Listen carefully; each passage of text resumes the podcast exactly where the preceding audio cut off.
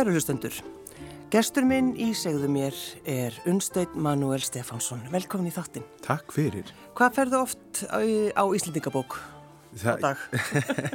Eða viku? Sko, það gerist alveg nokkur sinnum í viku, hugsaði.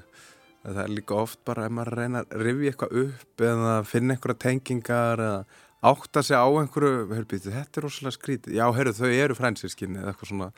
En, en mér finnst það mjög gaman og rosalega hérna, einstakt í heiminum að geta gert það. Já, já, algjörlega. En maður, maður einhver ímynda sér að þetta er kannski eitthvað svona feil hugsun hjá manni að það sé bara eldra fólk sem hefur áhuga á þessu en hefur alltaf haft áhuga á bara að vita, þú veist, hvaðan hún kemur. Já, ég, já, 100% sko. Já. Og hérna, og svo fór ég í, ég fór í ferð til Angola, eða ég fór fyrst í ferð hérna, ég var að gera innslög fyrir söfnunþátt hérna á Rúf til Mal Malawi og þá kom upp svo ferð, herru, verðum við ekki líka að fara til Angola, hérna, þar sem mamma kemur og takk upp eitthvað þar. Og, og fyrir þá ferð þá fór ég í DNA-próf, þetta var þáttur í sjónvarpi Símans. Og hérna og þá sá ég alveg, þú veist ég fekk fyrstilega bara staðfestingu að fóröldra mínir eru fóröldra mínir. Sem er mjög gott. Já, en svo fekk, sá ég hérna, það var einn afi hjá mér, langa, langa, langa við eitthvað svona, sem var þýskur. Og hérna, og það kom allir sem heita Kemp á Íslandi, þetta eru svona 2000 manns í dag. Og ég gæti, hérna, heiti Kemp. Uh, en svo sá ég á samanskapið að það var einn afi hjá mér í Mórætt sem var frá Níkeríu og hérna, og mér varst þetta aldrei skemmtilegt sko, að finna, þú veist, það eru einhverjur útlendingar sem þá ferðast aldrei og fara inn í svona tiltölulega einstætt samfélag, sko. Já, þetta er ótrúlegt. Mhm. Já, en, en að því þú nefnir þetta með þegar þú fer til Angola og hittir fólkið Mhm. um, og, og byrju, ég las eitthvað starf að þú hefur verið einhverja bensínstöð eða einhverju búð Já, og þar hefur verið einhver sem var afgreða mhm og þú var leik, hm, kannast við hann? Og Já. þetta frændiðin? Nei, já, sko, ég, ég var hérna á bensinstöðu og þetta er risaland og bílar út um allt og svona og þá kemur svona Arctic Trucks jeppi og þetta er ekki auglýsing en þetta var bara íslenskur jeppi, breytur jeppi Já.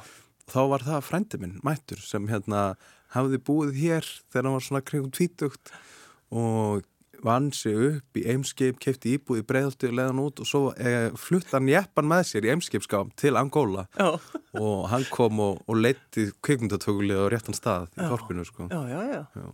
Um, þar sem að afiðin uh, er grafin, Já. uh, hann var þorpshöðingi, er það ekki? Mm Og þá, þá, þegar að vegunum var Já, lagður, var, þá þurfti að taka svona sveig í kringum gröfina og hann var þorpsæðingi og átti tvær konur og, og, þær, og svo- svona er manni sagt þetta allt. Og þær voru bestu vinkonur.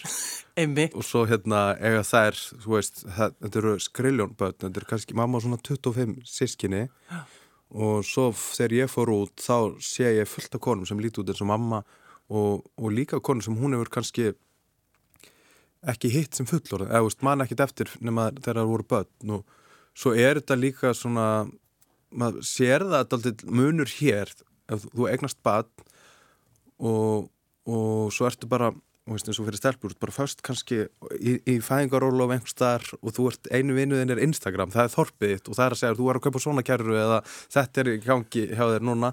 En þarna þá eru börnindaldið alveg upp á þorpinu ennþá sko. Já, þannig að eins og þegar ég fór að heimsækja frænda minn þá fólk að koma inn og út allan daginn veist, og það er rosa fyndin mynd á Netflix sem heitir The African Doctor þar sem er svona party og börnin er að segja er þetta frænda okkar? Nei, ég held það ekki en ég held að þessi sé það og það, það er aldrei svona stemningin alltaf í, í þessum, á þessum heimilum sko. já, bara aldrei, aldrei þögn. Nei, já, og ég held að krakkar hérna á afrískum ættum á Íslandi upplifa þetta líka sko.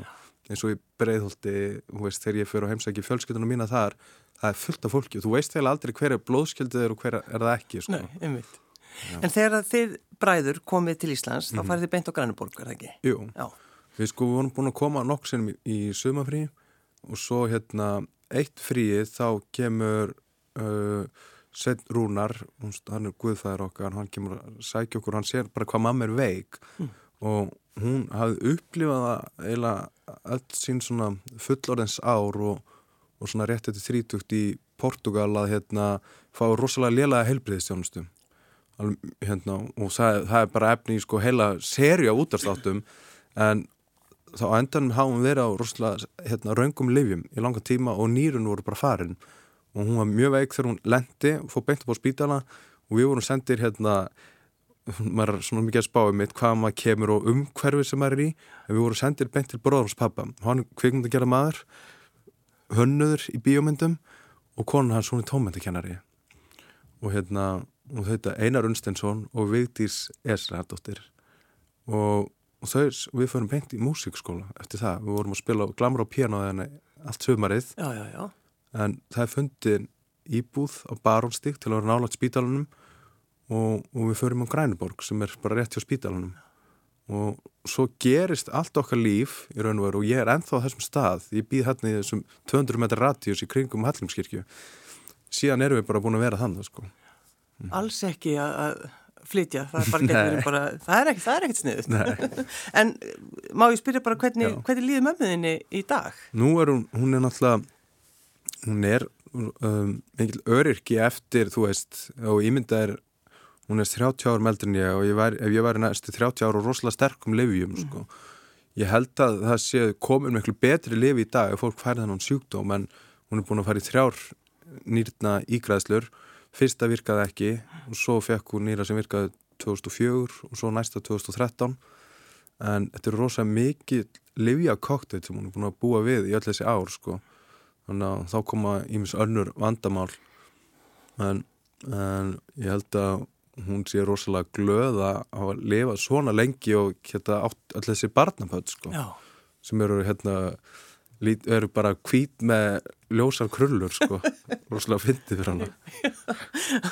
En þannig að þið, þið bræður unnstætt, þið svona að, að, að alast upp við það að mamma er veik. Það er, er náttúrulega hlýtur að hafa einhver svona áhrif á ykkur. Já og það er svona þú þurftum kannski að vera alltaf sjálfbjarga veist, eins og á mótnana. Og en jú það hefur veist, og, og miklu meira áhrif heldur maður fattar sko og, og svo maður, maður átt að sé náttúrulega betra á því þegar maður regnast sjálfur börn sko. En pappi var út í Portugal fyrstu árin okkar hérna á Íslandi. Alveg fyrstu fimm árin þá ég var tí ára. Og að halda businessnum gangandi til að láta allt ganga upp hér á Íslandi. Það var með fiskinflutning eða útflutning til, Ís til Portugal Já. en svo flyttur hann heim árið 2000 og svo skilja þau fljótlega eftir það og, og við flytjum svo bara til hans sko 2006 þegar ég er að byrja í mennskóla mm. og þá byrjaði allt að ganga aðeins betur sko. En veist þetta var, þetta var ekkert alltaf auðvelt sko alveg upp þessar aðstæður og allt öðruvísi kannski heldur maður að sá hjá vinnum sínum þú veist, sem voru svona einmitt kjarn, kjarnafjölskyldur. En, en ég er rosalega þakkláttur fyrir sko e, svo tíman sem við, við þegar, þegar við byrjuðum með mennskóla og í hljómsveitum og svona veist, þá er rosalega mikil munur að hætti íþróttum og fara að snúa sér alfæraða tónlist. Já, já. og svo höfum við bara alltaf verið að gera það eiginlega hverju viku eitthvað músík tengt síðan sko. Já, hætti íþróttum loksins og verður í tónlist. Ég varst ekki, ekki gaman íþróttum og, og eins og kærasta mín hún er, eh, var í fótbolta og hún var alveg fór langt í fótbolta sko. og ég var að segja en það er kannski munur á hvernaklefa og karlaklefa íþróttum sko. Mm. Og við svona sannfæra hann um það henni finnst íþrótt svo sniðar og félagslegt og svona. Og ég segi alltaf að það er ekkit betra félagslega heldur en að vera hljómsveit sko. Og þú þarfst að hlusta fólk þá. Já, já, mm -hmm. það er rétt. En hvaðan kemur þessi músik hjá ykkur bræðrum? Ég bara nefni ykkur, ykkur báða því þeir eru báðir náttúrulega í músik Já, við vorum náttúrulega, fólkdra okkar er ekkit í, í tónlist. Nei. En við vorum mjög hefnir um að vera með dísu frængu Já, og píanóið. Já, og hún varð svo fljótlega eftir þetta um, fór hún að, hún stopnaði salin í Kópói og reyka hann, þannig við gáttum alltaf að vera mæta á tónleika við vildum og í Austubæðaskóla var rosalega flott tómatstof og tómatakennari Pétur. Og þar geta allir komið inn, það er aldrei tónlist og starfræði fólk kemur inn með kannski mörg mismundi tungumál en það geta allir talað saman í þessum tveimur hérna, áfengum sko. Tónlistinni og tölunum Já, Akkurat. og hérna og krakkar að koma hérna og geta að sanna sig þú veist, í, í músíka í starfræði og það sem var sniðut í Östubæðskóla það voru hérna svona slagverksæfingar. Þar sem eru vorum að gera söðurameríska rithma og það er kannski tíu mismunandi hérna, slæðursljóðfæri og allir er að reyna búa til sama takt sko. Og svo heima þá er rosalega sko, portugalsk og spænsk menning það er rosalega fjölbreytt tónlist. Mm. og, hérna, og, og með skemmtilegum rithmum. Þannig að þetta var alveg bara svona hárétt umhverju raun og veru fyrir okkur. Og svo þegar við hættum í, í skildu tónmenn komumst í úlingadeild þá eru tónlistamenn sem eru að vinna í skólanum í frístund og í félagsmyndstöðinu og þeir hveti okkur til að stopna hljómsveit og þannig að það var rosalega gott hérna aðhald og uppeldi í músík allan tíman sko mm. og mér finnst það oft vanda það er ekki eins og krakkar að takja upp hjá sjálfu sér það er rosalega mikil orka sem fer ég að bara verða einhver músíksnillingur sko það þarf að vera rétt umhverfi sko. mm. Já, já, algjörlega en sko, Unstein, þú verðist, verðist vera jó, þú ert svona personlegur og til dæmis í svona þínum þínum verkum mm -hmm. ertu, þannig, veist, ertu mjög opinn manneskja?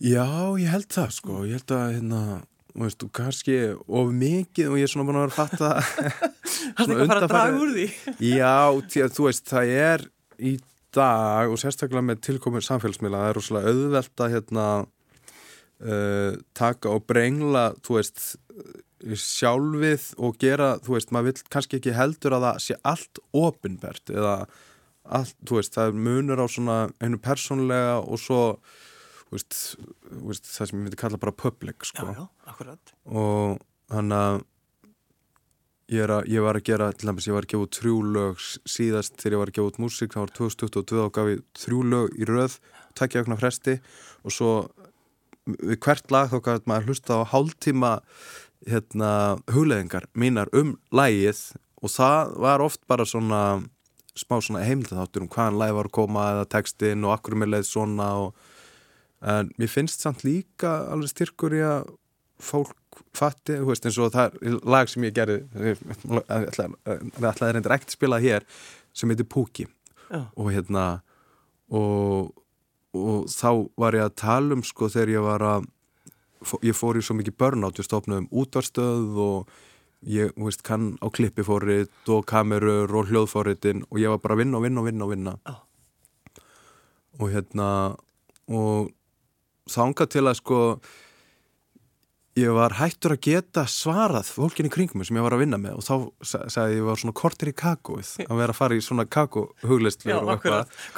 Nei! Já, og svo skrifa ég sagt, þetta lag, lagi virkar rosalega flott, finnst mér, alveg bara virka vel á danskólu og fólk getur sungið með Já. og svo kemur hérna hvað heitir það og í svona reitgerðin það er að koma svona heimildaskrá, hún er eiginlega lengri en lægið og fjallar um allan hennan tíma og, en, en svo finnst mér það líka gaman, ég held að það alveg hjálpað fleirum og svo hérna fekk eiginlega hlaðvarpið það fekk betri viðtökur heldur en tónlistin. Já. Og fólk, það er rosalega góður hérna, dagskrágerða maður, já. já, já, takk fyrir. En hvað er það í lægið? Já, ég hlustaði ekki á það. Nei, svo er þetta rosalega óaðgengileg og aggressíft danstónlist, sko. Já, já, akkurat. En mér ást það alveg gaman þarna, sko. En svo finnst mér rosalega mikið af ros, ef við hugsaðum um dagskrágerð í heiminum, mm. rosalega mikið er fólk að bladra í myndavél um sig Jú, jú, veist, mjög mikið YouTube og svona Þannig að það er ekki tendilega á það bætandi, sko. Nei, kannski ekki. En, eh, unnstætt, þegar þú ákveður að fara til Berlínar, mm -hmm. uh, af hverju valdur Berlín? Sko, ég fór fyrst 2011 með hljómsveitinni og var kækjaður tími. Við byggum í hverfi lengst í burtu frá öllu skemmtarlífi og eiginlega bara svo, já, bara svo. Það ákveðið. Já, það var einhvern veginn, þar fengum við íbúð. En ég held að það hafa endanum gert rosalega mikið fyrir hljómsveitina og því við gerðum ekkert um að æfa mm. og við æfðum og æfðum og æfðum snerum svo kom lægi í spilun hér og það fór á toppin í 17 vikur já, já, og þá allt í hennum vorum við með hérna, fólk sem vildi fóku til að spila á Ísland og við fluttum heim já, aftur einmitt. Svo fór ég aftur, ég fekk listamannlaun 2014 og þá fór ég þrjá mánuði og ég var í stúdjói á Hildi Guðuna hún var í einhverstaðir fríi en ég var í þannig umhverju svona kveikmundatónskáld og svo ákvaði núna þegar COVID kom þá misti ég rosalega mikið á tónleikum. Og það var annarkort að fara að vinna aftur kannski eitthvað í fjölmjölum eða finna skóla sem er ekki veist, það er rosalega dýrt að vera námsmaður á Íslandi. Og sérstaklega með barn. Þannig að ég fór og fann Þíska kvingundaskólan, ég vissi af því að þar væri mastersnámi í sjónvarshandritagerð mm. og ég flutti með fjölskylduna þangað sko. Og, og það var rosalega góðu tími og góðu skóli og við lifum bara, veist, ég var á námslánum með hennar, ég samt bara kaffihús og út að borða alla daga. Já, skilur þau? algjört luxuslíf Já, algjört lúksuslíf en svo endanum föttuðu, það var ekki nógu leikskóli, sýstar ákvörðum minn var á og ég held að við séum ábyggilega svona sjötta íslenska listamannafjölskyldan sem flýr Berlín út af skólakerfinu sko. Já, og það er rosalega algengt. En, hérna, en ég hugsa að íslenska listalífi sé skemmtilegra fyrir vikið. Og ég kom heim og þá var, var ég ráðinn í Berlín, þá var ég ráðinn af Eurósku kvikmyndaakademíunni til að stýra hérna Eurósku kvikmyndavelunum hér um haustið. Sem voru útsendingu, Já. beinn útsendingu. Já, Það var mjög flott já, útsending. takk fyrir. Já, Þannig að ég gerði, þá, ég gerði það alveg á fullu. Fór svo bara raklega, ég var alveg að fara í burnout og þá gerði ég þáttinu það og, og setti músikina aðeins á, á, til hliðar og fór að einbynda mér á fjölmjölum sko. já, akkurat. Um, Sko, núna náttúrulega uh, með söngakefnina Ertu, sko, ertu búin að loka á allar svona alla fjölmiðla á meðan úr þessu Já ég verði að gera það upp á, þú veist, við erum að gera hérna, þetta stæsti skemmtið þáttur á Íslandi Já, og þetta er náttúrulega ekki búið að vera eitthvað sérstaklega skemmtilegt ferli í kringum hann undarfærið Mhm.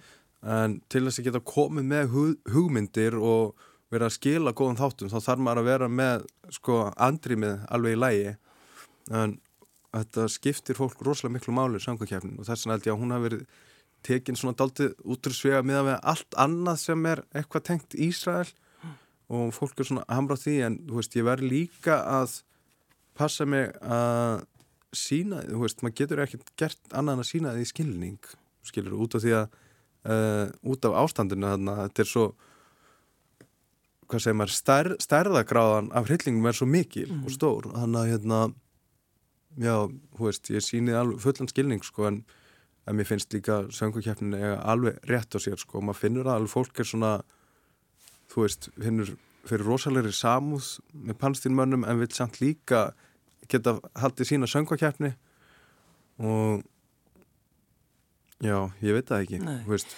En, en ertu sko, veist, er fólk að hafa samband við þig, þarf það að svara fyrir, uh, ég bara fyrir þetta allt saman? nei, það er ekki búið að gerast svo mikið. Nei, en ég svaraði bara oft svona fyrir mig sko þú ert að svara sjálfum þér, kannski Já. svolítið svona, já, akkurat. og, og, hérna, og, og, og líka, þú veist, mér finnst rosalega mikilvægt í dag og því það, fólk er hávert á samfélagsmiðlum og það er, verður allt aldrei svart og hvít mm annarkort er, er þetta svona eða svona og hérna, og, og merkilegt Bubbi var með status Rúi er nánast síðlösa stofnun. Já, svo daginn eftir kemur í ljós að það er Palestín maður að taka þátt, þá er það með langan status um hérna, orðuræðina, við þurfum að passa hvernig við tölum já, og ég voru svolítið sammála honum, skilur við en ég það líka að minna mig á sko ef ég væri ekki í inn, innstu koppur í búri þá væri ég ábyggilega rosalega hávar líka á samfélagsmiðlum. En mér finnst fólk sérstaklega í svona litlu samfélag það verður að passa hvernig það talar að, hérna, að það er oft miklu meira á baku fréttunar en við vitum en þetta svo þetta ákvæmna atrið er svo pínu lítið í stóra samhenginu með ástandi í heiminum sko já, já, já. og svo finnst mér líka það er náttúrulega samfélagsmiðlar þeir ífa þetta upp þú veist, sérstaklega finnst mér Facebook og Instagram þessi meta samfélagsmiðlar þeir eru hannaðir til að skapa svona meiri reyði Mhm. en ég tekið eftir núna mér finnst TikTok rosalega góður miðill í að fræða sig um ástandið. Og mér finnst kannski mikilvægast að nýta alla þessa ringulreið í það og fólk fari og, og fræði sig um söguna og, og hvað það geti gert sko. Já, en ég er ekkit endilega vissum að hérna að, að vera hamra og söngkeppninu það sé réttasvarið sko. En, en ég skilða alveg að fólk gera það sko. En ef þú lendir óvart, ef þú kíkir óvart á einhverjum svona aðtöðsendir, ferða unnsteinn, verður þú leiður eða, Já, ég er það sko. Og sérstaklega bara þú veist, það er einhvern veginn það er oft svona hérna veist, ég sá eins samsæriskenning var ég hefði bara farið til Jérúsalem að sækja palstínumann, skilur mig? Já, og mér finnst það rosalega, skrítið en en veist, langaði að svara þegar þú, Já, já, svona- mér langar að svara öllu sko Já. og ég veit, svo þarf ég alltaf að minnum á að það hefur ekkert upp á sig að svara neinu. Og hérna, eina sem ég get gert er að uh, skila þessum þætti út að nummer 1, 2 og 3 við í okkar hlutverki sem kynnar þá eru við í þjónustu við tónlistafólki sem er að taka þátt.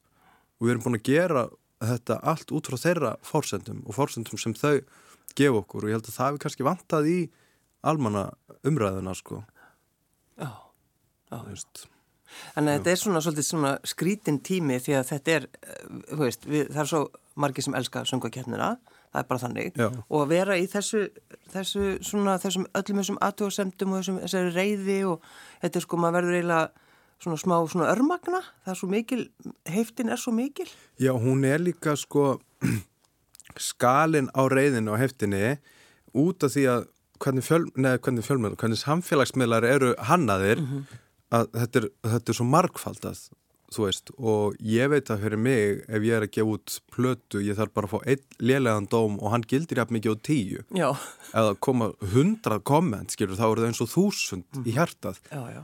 þannig að veist, eins og ég segi aftur aftur aftur þetta er rosalega lítið atriði með við það sem er í gangi. Og, það, og það er það sem þú veist, hérna, fær mig alltaf til að halda áfram og, og bara sk- skila mínu verki er að hérna uh, það, það, það, þetta, þetta er ekkert í veist, þetta er bara fólk að reyna að finna einhverja leið, veist, það er búið að reyna að tala við ríkistjórnum og það virkar ekki neitt. Ok, þá skulum við tala við hérna eða fyrst er það Katrín, svo er það Bjarni svo er það Stefán Eiríksson, svo er það Rúnar Freyr og það er enginn, þú veist, endilega komin eitthvað mikið okkar, fólk svona hefur stundum verið svona óarlegt við mig finnst mér, en, en e- e- ekkert, ekkert mikið, ég lendi förðu lítið í mm.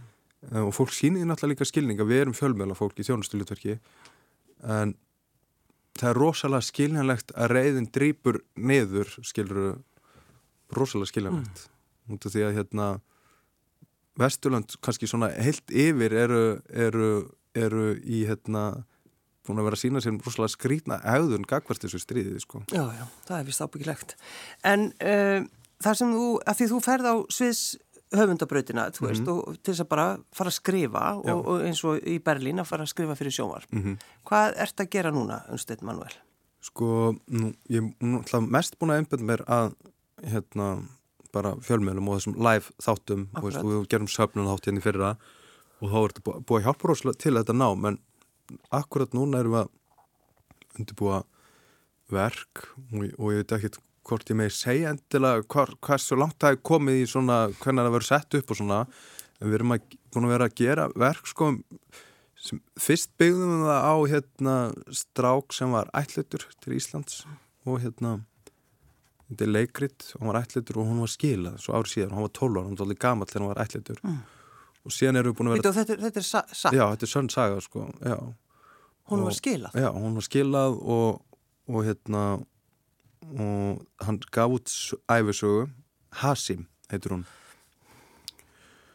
Og kom út fyrir nokkrum árum og var langt viðtal við hann hlæmis í Ísland í dag og, og rúslega flottur maður í dag, bara fullorinn maður. En svo tókum við þá sögu og fórum að speikla hana við upplifun brútna einstaklinga á Íslandi. Fórum að safna fleiri sögum og, hérna, og sáum alls konar sammert þótt að það væri fólk úr svo ólíku umhverfi getur verið ættleitur frá Indlandi, byrð út á landi en á nátt samt eitthvað sammeilegt með mér sem er, þú veist, alveg upp í miðbænum og er með afríska fjölskyldu hérna og, og já, erum búin að vera að sapna þessum sögum saman þá, við verðum þrýr á sviði. Ég, Jónmundur Gretarsson, hann er leikari og Davíð Þór Katrinsson sem er líka leikari Já. og svo heldur utanum þetta og hnýtir þetta allt saman og gerir þetta með okkur Greta Kristín, hún er hérna leikstjóri, rúslega fær leikstjóri og ég held hún sé áriðin fagstjóri yfir sviðsjöfundabrönd Og byrju, ert þú þá að fara að leika? Já, ég er eitthvað á sviðinu sko og svo er þetta náttúrulega þáttu fyndið og hugsaðum á Íslandi með þessar brautir í listaháskólum það er kannski einhver rosalega sterkur prófessor þá var öll listin dálítið í hans formi en það er búið að vera vinstalt svona heimildaverk Já, kannski verður þetta þannig en við vitum það ekki alveg ennþá við hefum eftir að fara í í hérna svona dálítið mikið ferl út á gólfi við erum búin að vera að skrifa rosalega mikið af pælingum og, og hérna rosalega mikið mikil textavinna sem hefur farið fram bæði þegar ég var í Berlín og svo núna undarfarið en aðalatrið er, er eftir og það er svona vinnan á gólfinu og finna verki og sögurnar sko. Já, þessi, ég manur þessi bók einmitt kom út þegar þú nefnir hana sko.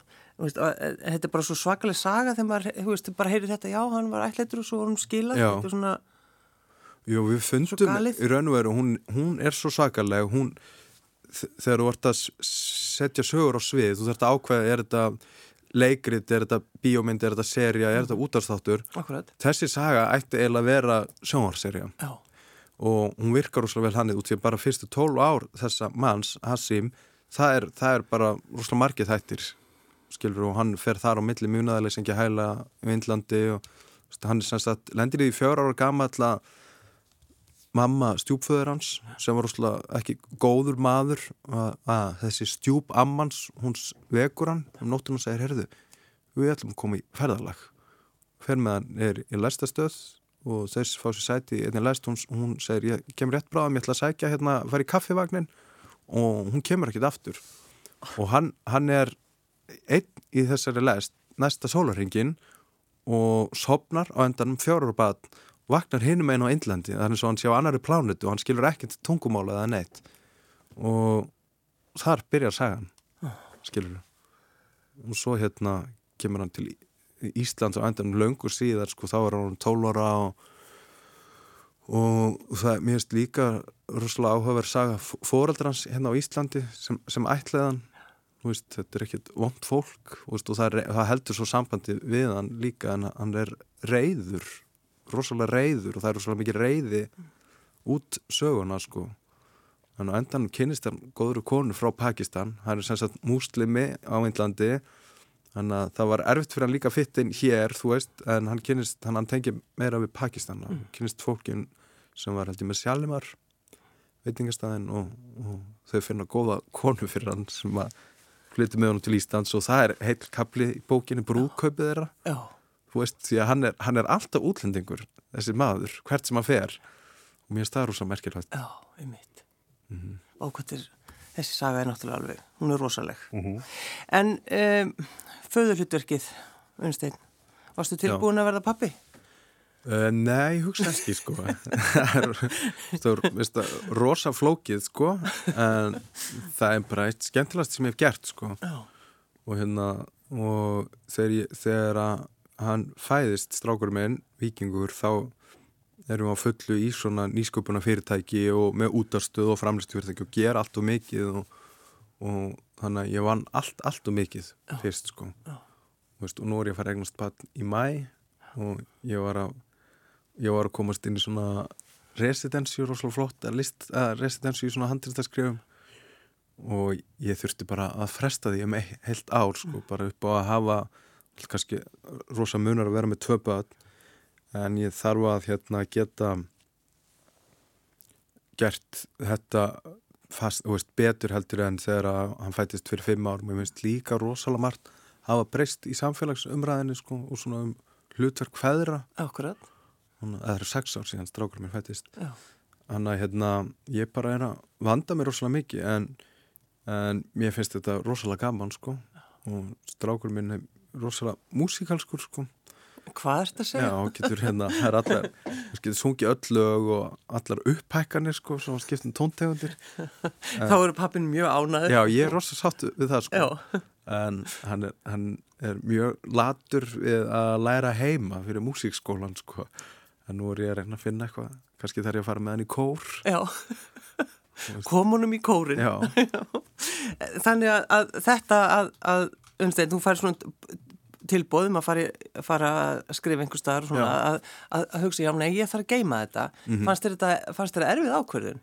Já hún tók alveg alla helgina sko og fyrst var kærstu mér svona, ha, þetta er ekki þetta? Og svo jú, ég verð nú verði að gera þetta sko. Og svo hérna var hún alveg búin að setja upp systemar sem fórðarann kemur og en það er ekki síst sko við finnst mér að ósangjart hvað hvert næsta inn sko það eru sex sem eru valdir inn. Ef að hérna, ég er valinn inn og svo bara fyrsta daginn er ég farin því að konu mín er regnast batn þannig að ég missa fæðingunni og það er einhver annar sem kemst ekki bara klúður. að, það er talt mikið klúður þannig að þetta er svona bara, þú veist, maður er að taka smá ábyrð og þú veist, það er allt í læg að fresta hlutum heilt ár. Ég veit það, þetta er svona þrúttónu fullorinn. Já, og svo kannski, þú veist, svo geta þau kannski ekki gengt plássið mitt, þá þarf ég bara að sækja aftur um. Já, já. Það er allt í lægi.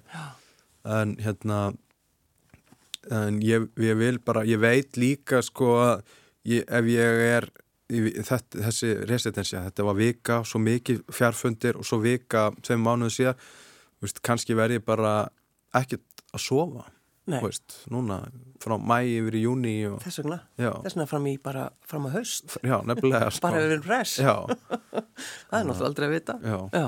Já, og það er kannski líka ég veit ekki, það er svona, við vorum að tala svo í ræktinni það er svona aðal félagsskapurinn núna þar sem ég hitti vini mína að í samskiptum, svona, hérna, í para samskiptum, get, þú getur ekki bara sagt, sko, herru, hvað finnst þér um að ég færi þetta? Og ég svona, ef ég finn á mér að þetta er eitthvað iffi, þá ætti ég kannski bara taka ákvörðunum það sjálfur strax skilur þú? Ekki setja ábyrðina á makan. Á konun, já. já. Þú tekur ábyrðina og þú verður að standa við hana. Þannig ég, þannig ég kom heim í gær eftir langan dag hér í þessu húsi og já, já, ég ætla að geima þetta fram á næsta ár og hún ágst mér, hún bara fór að gráta ha, er það mjög, ég fæ ég svo mikið samvinskupið og ég sagði það er nú ekki þér að kenna, sko ég verð bara, þetta er best fyrir okkur öll, sko já. og hérna Já.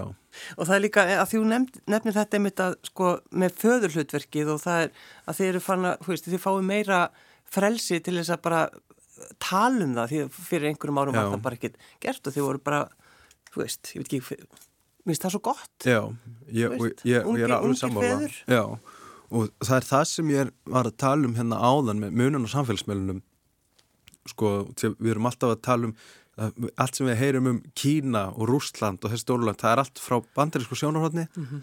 en ég er búin að vera rosa mikið að skoða TikTok undanverið og það er svo mikil fræðslaðar skiluru, og, ekki, og miklu minni óttarstjórnun finnst mér heldur en á hinnum miðlunum og mér veist eins og Instagram það er svo mikil samanburður og svona mm -hmm. en á TikTok, þú veist, það er bara hérna hashtaggi ábyrgir feður skilur, og maður fær bara alls konar trikk þar og svona. Já, en uh, á Instagram er það, finnst mér að vera enda að vera först ég er, þú þart að eiga þessa nýju sportskó eða já, já. þú þart að vera eitthvað svona. Þú þart að köpa vagn sem kostar, þú veist, halva miljón það er nú það minnsta sem þú getur gert fyrir batnið og þetta ég tók eftir þessu, hvernig þessu var beint að mæðurum síðast til engnaðist bat rúslega mikið uh, og, og, og við sleppum við þetta feður sko.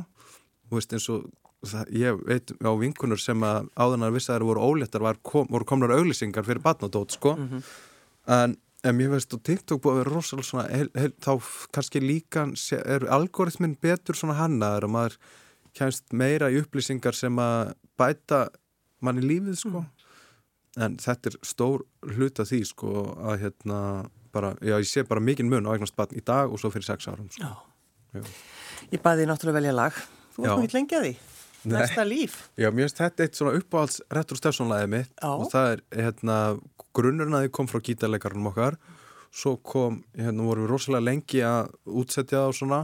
Og svo skrifaði ég textan löngu síðar bara svona mánuð áður en hljómsettin fór í pásu. Og ég er rosalega ánæðið með þetta lag sko. Og þetta er svona tilenga vinum mínum já nokkra stráka hú veist, sem hafa fallið frá eða fallið fyrir einn hendi. Mm. og hérna, og þetta er svona tilenga þeim sko Unnsteit Manuel Stefánsson, takk fyrir að koma. Takk fyrir.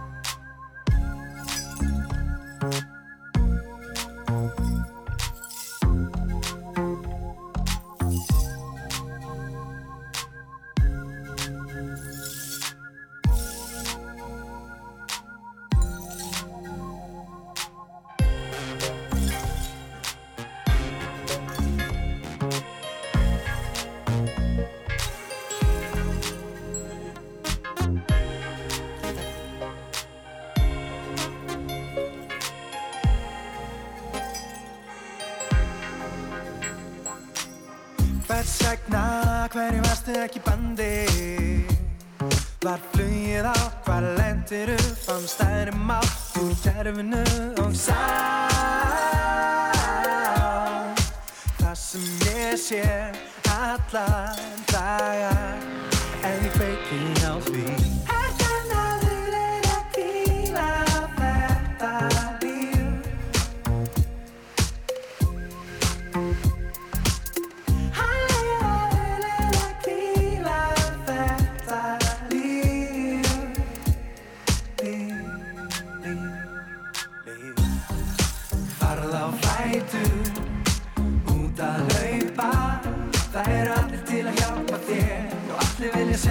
rosa.